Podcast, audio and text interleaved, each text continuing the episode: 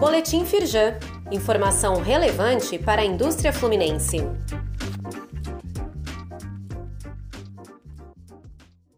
Edição de terça-feira, 28 de dezembro.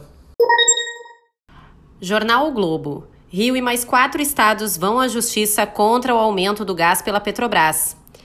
Reportagem destaca a movimentação de representações, entre elas a Firjan, para tentar barrar o aumento de quase 50% no gás natural.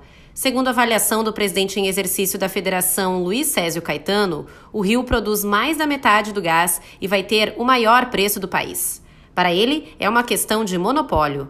Leia a reportagem completa no endereço disponível neste boletim. Procuradoria-Geral da Fazenda reabre prazos de adesão ao programa de retomada fiscal.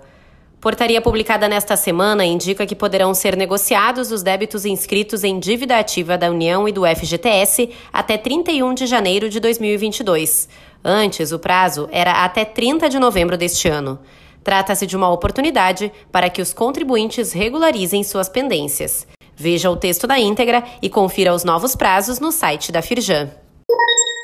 Saiba como a Firjan pode apoiar a sua empresa em comércio exterior e relações internacionais. Federação oferece assessorias individualizadas, estudos de inteligência comercial, apoio na defesa de interesse, capacitações, emissão de documentos, entre outros serviços. Negócios de todos os portes podem ser atendidos pelos serviços da Firjan. Saiba mais e entre em contato com a nossa equipe especializada no link disponível neste boletim.